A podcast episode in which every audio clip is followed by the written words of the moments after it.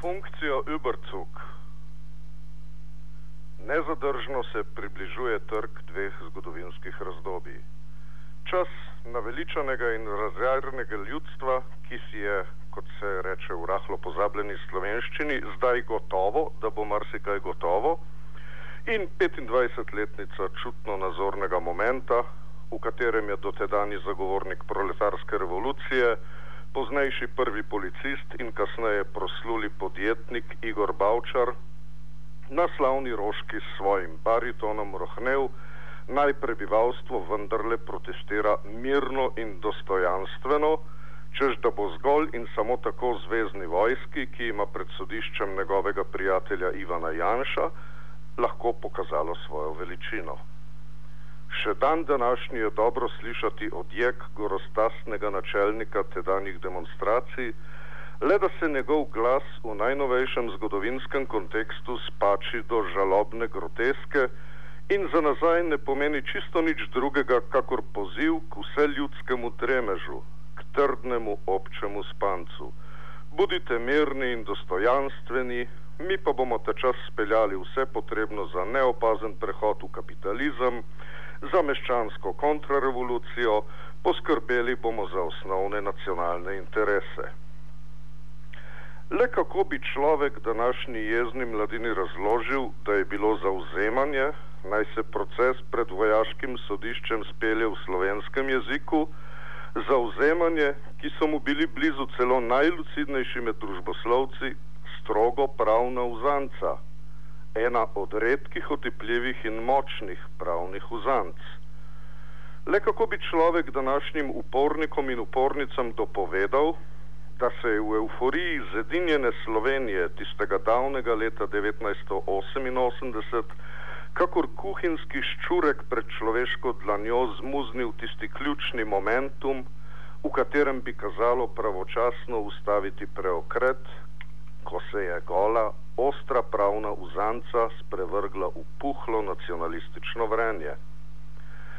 Takšnih zgubljenih momentov je v zgodovini vse polno in vsak vrl zgodovinopisec materialistične šole bo rad priznal, da mu prav takšni zgubljeni momenti dajejo kruh in sol, zagon za interpretacijo, še več, da brez zgubljenih momentov pravzaprav sploh ni nobene poučne zgodovine.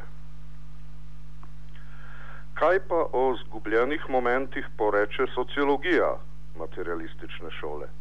V teh tednih ji zagotovo ni lahko, ko opazuje, kako se politični razred na vse pretege trudi, da bi vsaj popačil, če že ne razvodenev spodbudne dosežke vse državnih protestov in demonstracij. Momentum tega le časa svari pred pripravljenostjo političnega razreda, da umetno ustvarja nekakšno spravo, češ saj se lahko omehčamo, boste videli. Še nikdar ni bilo toliko pozivov k koncu ideoloških barijer, kot jih izrekajo funkcionarji v teh dneh. In vsak bruc, vsaka brucka na družboslovju, materialistične šole, vam pač lepo razložita, da so prav to tisti najnevarnejši momenti, ki se v njih ideologija razplamti v svoji do zdaj še neprepoznani inačici. Odkot izbira današnjega naslova?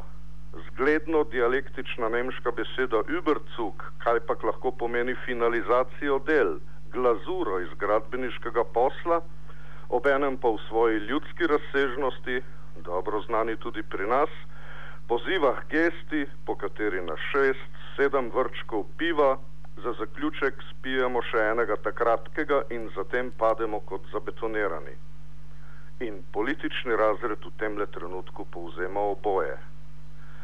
Betonira virtualno zedinjanje vseh mogočih in nemogočih političnih silnic, obenem pa že tako ali tako pijan oblastne želje sega še po štamprletu, ki bi mu dal poguma in moči za ustoličenje nekega čim bolj dokončnega reda. In ko smo že pri Nemčiji, mar ni prav sindrom Überzug, pradavna, že debelo stoletje stara mantra vseh sort socialnih demokratov? Red vlada v Berlinu, je samo en dan, preden so jo zverinsko ubili, suho in precizno zapisala Roza Luksemburg. Če kdo, potem so prav socialni demokrati historično nagnjeni k nekakšni obči sredinskosti, k mlačnosti, razvodenelosti. Liberalna in kleronacionalistična struja pa to sredinskost dan današnji rada doumeta kot optimalno gojišče za svoje ekonomistične in domoljubne eskapade. Toda glasovi funkcionarjev socialne demokracije so slejko prej tisti, ki med vsega naveličane množice pogosto lansirajo floskulo ne levi, ne desni, vsi skupaj. Prav zato, ker je realistično ogrožena njihova funkcija in ne njihova docela nerealistična politična oseba, skušajo politične osebe to politično funkcijo prikazati kot svojo lastnino, kot nedotakljivo, navidezno in lej si ga no, kar na lepem pripravljeno celo za socialne reforme, za dialog, za poslušanje. Tukaj zdaj je momentum, ko se seveda utegne spet kaj izmuzniti. A se morda, če bodo med partijo na novo namešanih kart špilavci, kot bi porekel Altiser, pošteni, bistvene reči iz tega momenta ne bodo. In ravno v tem momentu bi moralo vrveti od razlik, od takšnih in tistih razlik, ki so sicer na dnevnem redu med prebivalstvom, na horizontalno organiziranih skupščinah.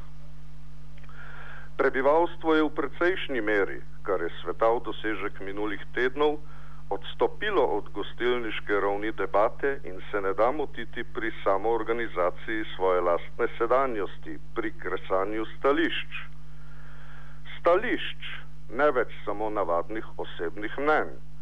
Še malo, pa pridemo spet do teorije, če bo šlo tako naprej. Kjer ni avtokratskih teženj, kjer med vsemi raznolikimi ni šovinizma, tam je priložnost, da se ujame, kot rečemo, puls. Zato je delovanje v skupnostih, med sodelavci, sodelavkami, pri študiju, tako zelo pomembno, zato debate v podtalju, daleč od medijskega blišča, vedno tako obetajo in so ključne pri razbitju večne funkcije, v katero se je zabubil politični razred, ki vse razume osebno. Kdor prebira periodiko tipa Reporter, ta se je v zadnjih dneh minulega leta najbrž od srca in groze nasmejal najnovejši obtožni floskuli strici iz ozadja, samo uklicana tranzicijska levica, neosocialisti, kolovodje protestov in podobna žurnalistična šara so namreč le nekaj dni po znamenitih zombijih usklajeno, kar na nekaj koncih v reviji prerasli v sintagmo, ki svojo eurohegemonsko veličino natanko povzema miselni domet funkcionarskega mainstreama. Neonacisti z rdečo zvezdo. Priznajmo, vredno nacipank afere in nebrzdanega obveščevalskega vohljanja po intimi alternativne mladine na začetku 80-ih. Takšne piše socialna demokracija v svojem Überzugu. Takšne je vedno pisala, kadar se je pretvarjala, da momenta ne razume, kadar ga dejansko ni razumela oziroma ga, kot tudi pri nas zdaj ugotavljamo za 25 let nazaj, ni hotela razumeti, ker je imela svoj izrazito osebni načrt povsem ločen od funkcije. Vsako granitko na pogorišču nesrečne državne tvorbe kaže torej brati kot granitko v obličje nekdanjega poziva k mirnim in dostojanstvenim protestom.